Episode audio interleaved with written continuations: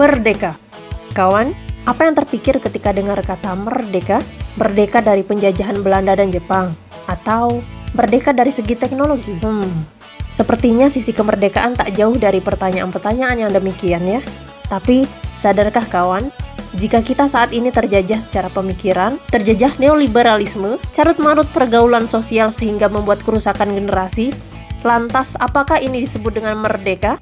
Maka, sudah sepantasnya kita para milenials sadar bahwa kemerdekaan yang hakiki belum juga kita raih. Kita butuh solusi agar mampu merdeka secara hakiki, dan Islamlah satu-satunya solusi. Sebab, Islam mengatur segalanya mulai dari bangun tidur hingga bangun negara. Maka, saat kita mampu menerapkannya, barulah kemerdekaan itu disebut kemerdekaan yang sempurna. Barakallahu fikum.